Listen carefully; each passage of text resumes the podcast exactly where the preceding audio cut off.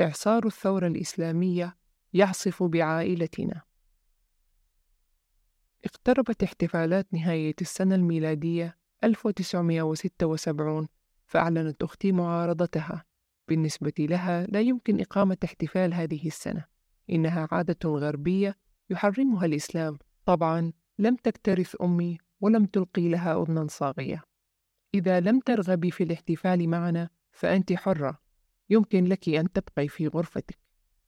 أجابت أختي لا يمكن بأي حال من الأحوال أن أرى الخطيئة ترتكب أمام عيني دون أن أحرك ساكنا أنتم من يجب عليكم مغادرة المنزل حتى لا أراه يتدنس بآثامكم وعندما أدركت أنه ما من مجال لإقناع أمي بما تقوله غيرت استراتيجيتها واتجهت نحو أبي مستغلة ضعفه لتغدر بنا. قالت له أبي هل تعتقد حقا أنك سيد هذا البيت؟ أنت تعرفين أمك إنها عنيدة ومعارضة شرسة ماذا يقول لنا القرآن والحديث حول دور المرأة في بيت زوجها؟ لا تتأخري في إخباري ماذا يقول؟ لا تستطيع المرأة أن تتصرف في أي شيء دون موافقة زوجها هي ذراعه اليمنى ولكنها فقط تعرض وتقترح وزوجها هو من يقرر ويأمر. الحديث يقول صحيحا قال أبي. ولكن ليس هذا كل شيء. هل يقضي سيد البيت وقته بعيدا عن زوجته؟ هل يخرج دون انقطاع مع أصدقائه؟ هل يشرب الخمر؟ هل هذه حياة سيد البيت؟ متى سوف تشرع في الصلاة؟ إنك تطلبين مني الكثير يا ابنتي. لست أنا من يطلب منك ذلك إنه الله. ماذا يجب علي أن أفعل حتى أرضي الله؟ لديك الكثير لتقوم به. سوف أريك الطريق إلى الله الذي سيجعل منك سيدا على هذا البيت ولكن يجب أن تفعل ما أقوله لك. سوف أفعل. لو كان هذا سيرضي الله.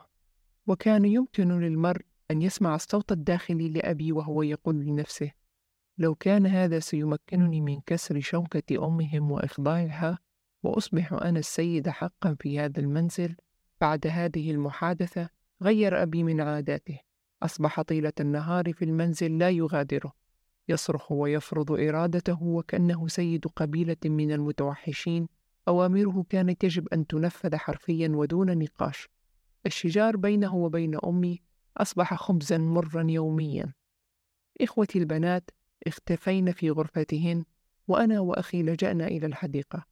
أما أمي المسكينة فهي إما في غرفتها تبكي أو في المطبخ تعد الطعام ووجهها مصفر وعيناها أذبلتهما الدموع. رغم كل محاولات أختي فقد وقع الاحتفال برأس السنة في بيتنا ولكن كان ذلك احتفالا متواضعا وبائسا. أعدت أمي كعكة كبيرة وبعض الشموع ومرت السهرة صامتة أمام التلفاز. كان ذلك أشد الحفلات حزنا عشتها في رأس السنة. تلك وكانت أيضا آخر حفل يقام في المنزل.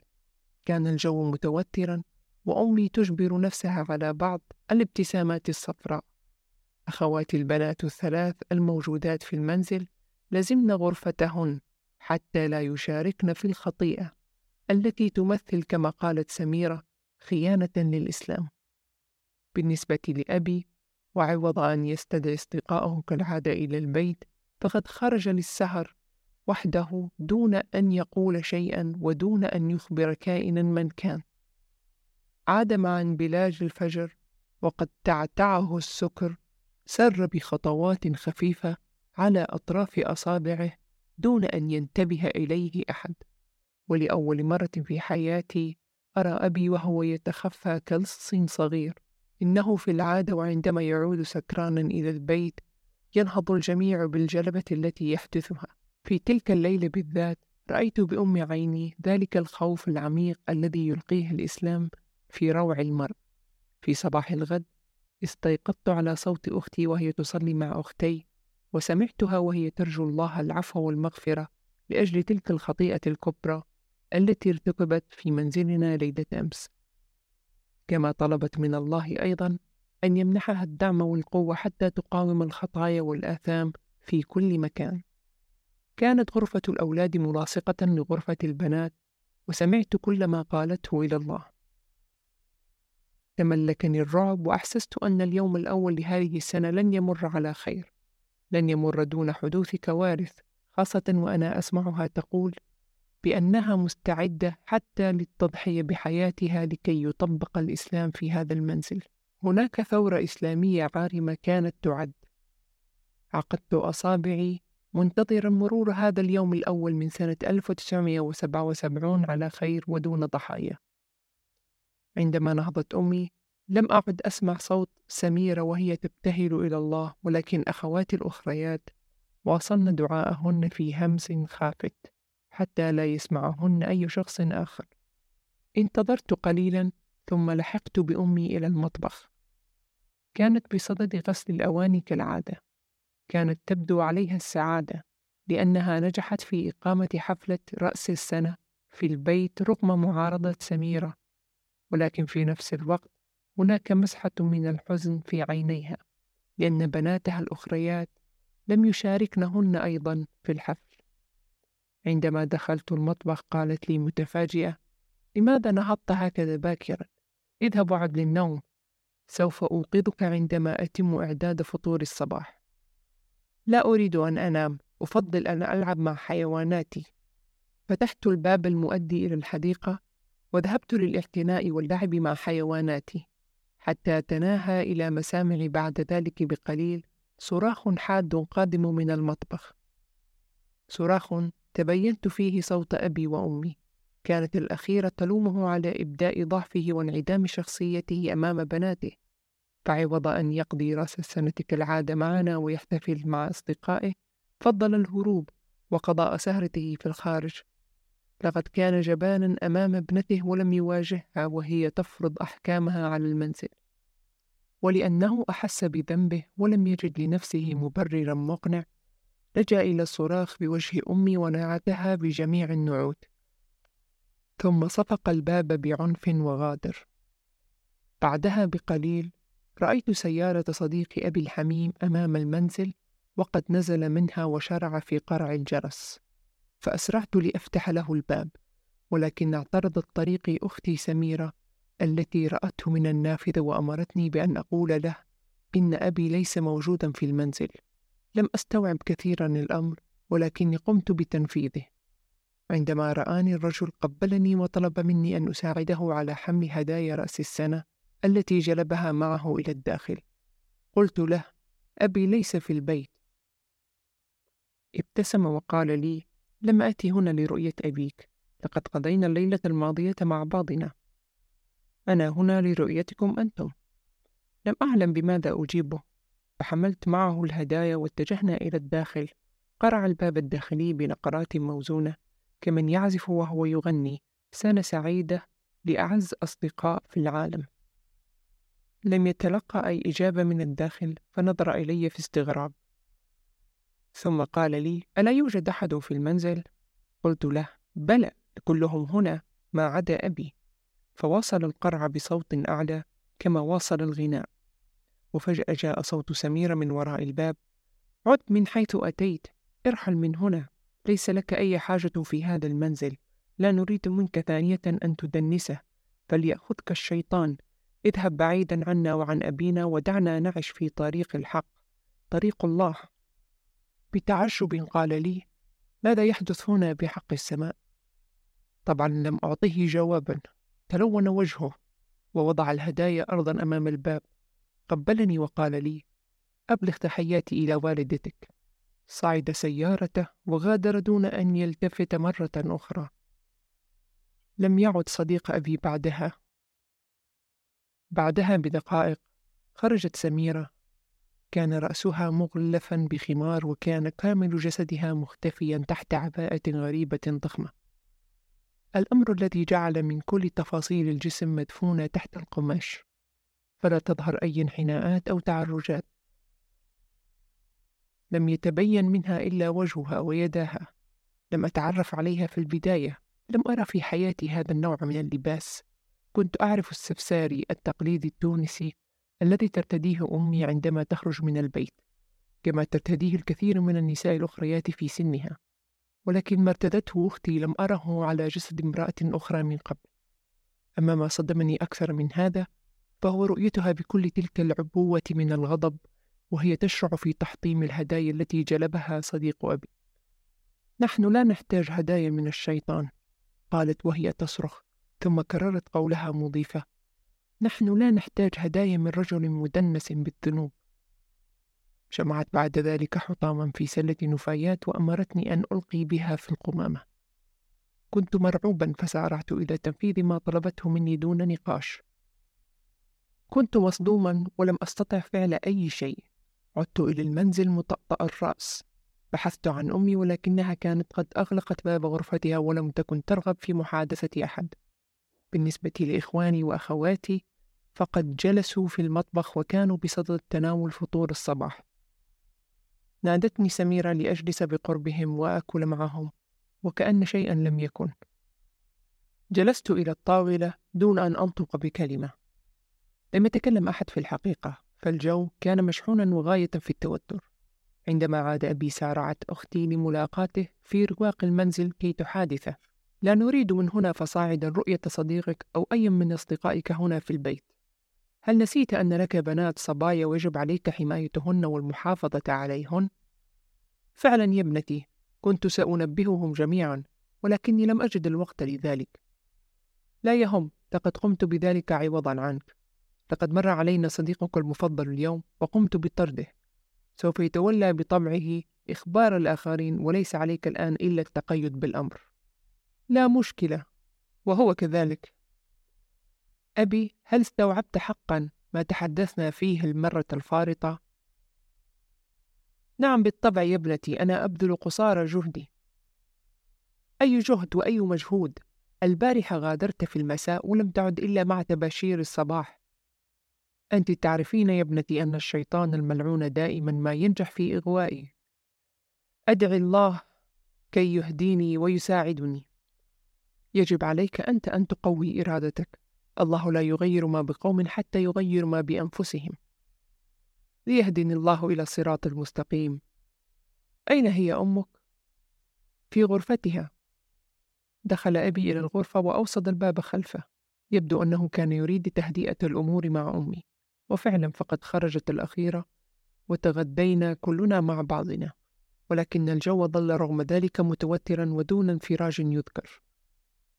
بعد الغداء أرادت أخواتي البنات مساعدة أمي في المطبخ لكنها طردتهن إلى غرفتهن فدخلنا وشرعنا مجددا إلى الصلاة صلاة الظهر. مرت الساعات بسلام حتى الرابعة بعد الظهر تقريبا فقد نادتنا سميرة أنا وأخي الصغير إلى غرفتها. هل أنتما مستعدان تفعلا شيئا يرضي الله؟ مثل ماذا؟ قلت لها في حذر وأنا لا أفهم ما ترمي إليه بالتحديد ألا تثق بي؟ أكيد ولكني أريد أن أعرف ماذا تريدين بالضبط لست أنا من تريد إن الله هو من يريد وماذا يريد الله مني بالضبط ليس منك أنت فقط بل مننا كلنا وأنت إذا ما أردت أن ترضي الله يجب أن تشارك معنا فيما سوف نقوم به حتى يسعد بك الله. بماذا سوف تقومون؟ حسنا سوف أفسر لكما الاثنين أنت وأخيك.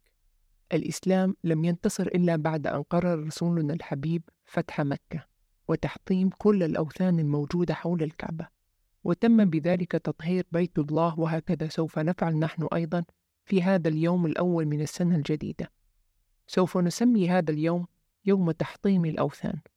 سوف نطهر بيتنا من كل دنس حتى يصبح بيتا طاهرا نقيا خالصا لله وحده. سوف تشعلان نارا كبيرة. إيقاظ نار في الحديقة هو طبعا أمر يروقني فأنا في النهاية طفل وهذه ليست إلا لعبة أطفال بالنسبة لي. جمعت مع أخي الصغير بعض الأغصان والأوراق وأضرمنا نارا ونحن نشعر بالإثارة والفرح غير واعين بالذي سوف يحصل بعد ذلك. رأينا أخواتنا البنات يخرجن حاملات في أيديهن حقائب ملابس. أعلنت سميرة أن هذه الملابس تعود إلى الشيطان وشرعت في حرق قطع الثياب الواحدة تلو الأخرى. الله أكبر! ظهر الحق وزهق الباطل. إن الباطل كان زهوقا. هكذا كانت تصرخ من ضمن الملابس التي أحرقتها تلك التي أهدتها إليها ضيفتنا الأمريكية ويندي العام الماضي. بعد ذلك جاء دور أدوات الزينة وعلب المكياج فألقم للنار كل ما شأنه أن يزين امرأة ويجعل منها أنثى جميلة. أحرقت أيضا لوحات رسمتها سميرة نفسها سميرة التي كانت تعشق الرسم وتهيم بالألوان. ظلت أمي تراقب المشهد من خارج زجاجة نافذة المطبخ في صمت. فبالنسبة لأبي فإنه لم يتدخل هو الآخر ما تحرقه بناته هي أشياؤهن الخاصة. فلا معنى لتدخله. لقد فتح صندوق بندورا ولا أحد يمكن له أن يوقف الشرور الخارجة منه. بعد أن أحرقت كل الأشياء المعادية لتعاليم الإسلام أمرتني سميرة بالبحث عن كل قوارير الخمر المليئة منها والفارغة وحتى الكؤوس البلورية الموجودة في المطبخ والفتاحات الخاصة بالخمر. عندما دخلنا أنا وأخي لنقوم بما طلبته منا اعترضت أمي سبيلي وقالت لي لا تلمس شيئا اذهب واستشر أباك أولا. لم يعترض الأخير بل ذهب به الأمر حتى مساعدتنا فأعطانا كل مستلزمات خمره. جعلنا نكسر كل شيء بالحجارة وسميرة تصرخ جديلة بشعارات إسلامية وعندما لاحظت أن أبي يراقب هذه المذبحة بل شاهد عليها دون أن يبدي أي اعتراض.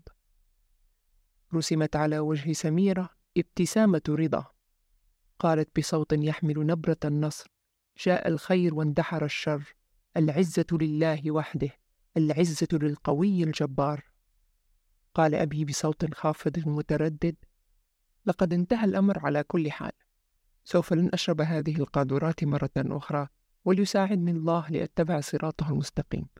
من الآن فصاعدا سأقوم بتأدية فريضة الصلاة. لقد كان ذلك في الحقيقة مشهدا استثنائيا وشعرت فيه بالسعادة. فقد أملى علي تفكيري آنذاك أن صفحة قد انطوت في تاريخ عائلتي وستبدأ صفحة جديدة مليئة بالتفاهم والوئام بين الجميع مع بداية السنة الجديدة 1977 لم تكتف سميرة بهذا الحد بل دخلت إلى المنزل نزعت كل اللوحات وحتى صور العائلة المعلقة على جدران الغرف والممرات. قالت لنا الملائكة لا تدخل إلى بيت فيه صور. ثم فسرت إن صناعة التماثيل ورسم الصور فيه محاكاة لخلق الله العزيز الجبار ولهذا هي ممنوعة ومحرمة في الإسلام. كل من يلتقط صورة أو يرسم كائنا حيا إنسانا كان أم حيوانا فإن الله يوم القيامة يأمر صاحب الرسم أو الصور بنفخ الروح فيها وإن لم يستطع فسيحشر في النار. أختاي الأخريتان كانتا أيضا مولعتين بالرسم وخاصة رسوم الهيئات البشرية. كانت لديهما سوم جميلة. ولكنهما ألقيتا بها جميعا في النار طالبتين من الله العفو والمغفرة لما اقترفته أياديهن عن جهل وقلة معرفة بالدين الحنيف. عندما رأى والد البنات يحرقن الصور امتقع لون وجهه ولكن بعد أن حادثته سميرة عن العقوبة التي سوف يسلطها الله على الرسامين والمصورين يوم القيامة سقط عميقا جدا في هوته الخاصة. قال حسنا منذ اليوم لن ألتقط الصور مرة أخرى. لقد انتهى الأمر. يجب على الله أن يسامحني على كل ذلك الشر الذي اقترفته في حياتي. رمته أختي بنظرة حازمة. ثم قالت له بصوت صارم لكي تثبت إلى الله ندمك الحقيقي على ما فعلت ولكي تحظى بمغفرته يجب عليك أن تحرق جميع الصور التي التقطتها في حياتك. كان أبي مغرما بالتصوير الفوتوغرافي. كانت تلك وسيلة الترفيه الأقرب إلى نفسه منذ شبابه المبكر. كان يحمل معه دائما آلة تصوير. يلتقط لنا كل يوم صور ويلتقط أينما ذهب وخاصة في المناسبات الكبرى والمهمة كالأعياد والحفلات وغيرها. طيلة ثلاث عقود من الزمن كان والدي قد جمع آلافا من الصور مع أفلامها السالبة. له مجموعة من هذه الأفلام فوق أشرطة زجاجية قديمة جدا. فإضافة إلى الصور التي يلتقطها هو شخصيا فإنه جمع صورا قيمة تعود حتى إلى بدايات القرن الماضي كما له صور لبورقيبة أثناء أحداث مهمة ترجع إلى زمن الاستقلال. من المستحيل أن يتخيل المرء عدد تلك الصور التي جمعها عبر حياته. في رواق المنزل توجد خزانتان كبيرتان تحتوي كل واحدة منها على ستة طوابق مزدحمة كلها بألبومات الصور ومعها أفلامها السالبة. لقد كان ذلك حقا إرشيفا قيما جدا. رأيت والدي وأختي يتجهان معا إلى الخزائن يفرغانها من محتوياتها ويلقيان بكل شيء في النار ويصرخان بنفس الشعارات الإسلامية. انفجرت الأفلام السالبة بفعل الحرارة وأحدثت وهي تحتضر فرقعة مؤلمة. التهمت النيران كل شيء حتى لم يعد هناك من صورة أو ألبوم يمكن رؤيته في الخزائن الخاوية على عروشها. بعد عشرين عاما من ذلك علمت أن أمي قد أخفت ثلاث رزم من الصور تحت سريرها ثم أخرجتها دون أن يتفطن إليها أي أحد في المنزل. سلمتها إلى أختها هناك لتحتفظ بها في بيتها في تونس المدينة. عندما أخبرتني والدتي بذلك اتجهت سريعا إلى خالتي لكي آخذ منها الصور وأحتفظ بها عندي. ولكن للأسف ضاع من الرزم الثلاثة رزمتان ورغم هذا فقد بقي لدي إلى اليوم مئات من الصور. لقد أحرقت سميرة كل ما اعترض طريقها ووجدت فيه ما ينافي شرع الله. أحرقت حتى كتبي أنا. أختاي هما أيضا مولعتان بقراءة الروايات وفي ذلك اليوم التهمت ألسنة النار المئات من الكتب تحت اسم الله. باستثناء القرآن والكتب المدرسية وتلك التي تتحدث عن الإسلام التي جلبتها أختي. لم يبقى كتاب آخر في المنزل. دامت المحرقة يوما كاملا حتى غروب الشمس. كان ذلك اليوم دون نهاية. أذكر حتى الآن أنه كان أطول يوم في حياتي. لقد عصف إعصار الثورة الإسلامية على بيت عائلتنا وبعده لم يعد أي شيء كما كان في السابق. ما حدث لعائلتنا يستدعي إلى الذاكرة ما حدث في عهد محمد مع آلاف من العائلات. تم تدمير كل ما يخالف الإسلام مهما كانت قيمته التاريخية أو الثقافية ومهما كان يحمل من حنين. محي كل الماضي ليكتب تاريخ جديد. طمست كل الهويات لبناء هوية واحدة وحيدة. هي الهوية الإسلامية. قرأت عن كل ذلك فيما بعد في كتب التاريخ الإسلامي. وهكذا تسنى لي أن أفهم جيدا ما وقع لعائلتي من خلال الأحداث التاريخية. لقد مررنا بطريقة مفزعة من إسلام تقليدي متسامح إلى آخر متطرف. إسلام آخر لا يكن احتراما إلى أي شيء. إسلام يحرق ويدمر كل ما يقف في طريقه. سابقا كانت أمي هي الوحيدة التي تصلي وترتدي الثوب التقليدي ومع ذلك لم نرى ولم نلحظ أي أصولية في تصرفاتها بل على العكس كانت متسامحة ولم تجبر أي منا على الصلاة أو ارتداء ملابس معينة فبالنسبة إليها كل إنسان هو حر ومسؤول عما يفعله. لقد غرست فينا روح التسامح والمحبة منذ نعومة أظافرنا. لا أحد يمكن له أن يشكك في إسلامها وفي إيمانها وصدقها. إلى أن دخل هذا الإسلام الآخر إلى عائلتنا وبث الريبة والشك في كل شيء. إسلام يعود إلى البدايات شرس وعنيف إسلام يحمل الحقد والكره ويجبر الآخرين على طاعته واتباعه بشكل أعمى وإلا أحرقهم ودمرهم بالنار والحديد. منذ ذلك اليوم تحولت والدتي إلى كافرة بين أفراد عائلتها. لم يعد لها تأثير على أحد. أما والدي فقد اتخذ منعرجا آخر. لقد أصبح صوته يحمل نبرة أخرى مختلفة فهو لا ينفك يراقب الأخطاء كي ينهى عنها كما لا ينفك عن مراقبة حركات زوجته وسكناتها ولا يأتمر إلا بأوامر أخته. تخلى لها عن دور السيد عن خوف وجهل الذي طالما حلم به في أعماقه. رأت أمي مكانتها في البيت وهي تتقلص يوما بعد يوم وقد أصبحت عاجزة عن اتخاذ أي قرار دون موافقة زوجها من تعليم الأطفال وإصلاحات البيت واختيار وجبات الطعام وصنوفها والمصاريف. كل هذه الأمور وجب فيها العودة إلى السيد الجديد. هكذا إذن وصلت أمي إلى إحباطها الثاني في الحياة. بعد إحباطها العاطفي وزواجها من رجل لا تحبه. كان ذلك فعلا إحباطا مريعا وقاسيا بالنسبة لها. فحتى أولادها لم يجروا على مساندتها إلا بعبارات جوفاء من فوق أطراف الشفاه وذلك خوفا من غضب أختي التي أصبحت الممثلة الوحيدة لله في المنزل. جعلت منا العلاقة الزوجية الرديئة بين أبي وأمي عائلة شديدة الضعف والهشاشة. نحن لم نكن إلا أطفالا يسهل التأثير عليهم ولم يطوروا بعد أي ملكة للنقد أو المعارضة. أصبحت في النهاية الأصولية الإسلامية هي العصابة المافيوزية التي تحكم البيت. ارتدت أخواتي الأخريات هن أيضا الزي الشرعي الإسلامي وشرعت سميرة في تعليمنا فريضة الصلاة من جديد. إنها تتحدث عن الصلاة وكيفية أدائها كما يتحدث مصرفي البنك عن كشف حساب لشركة ما. كلما ضاعفت من عدد الصلوات كلما ارتفعت نسبة نجاحك ونسبة حظوظك للفوز بالجنة. بالنسبة إليها الفرق الوحيد بين المسلم والكافر هو ترك الصلاة أو التقاعس عنها. فلذا وجب على الجميع ومنذ اللحظة الإكثار من الصلاة اليومية ومضاعفتها أعدادا مضاعفة حتى ننال رضا الله شديد القوى. أنا نفسي وقعت في هذه الدوامة وبدأت الصلاة كما بدأها الآخرون.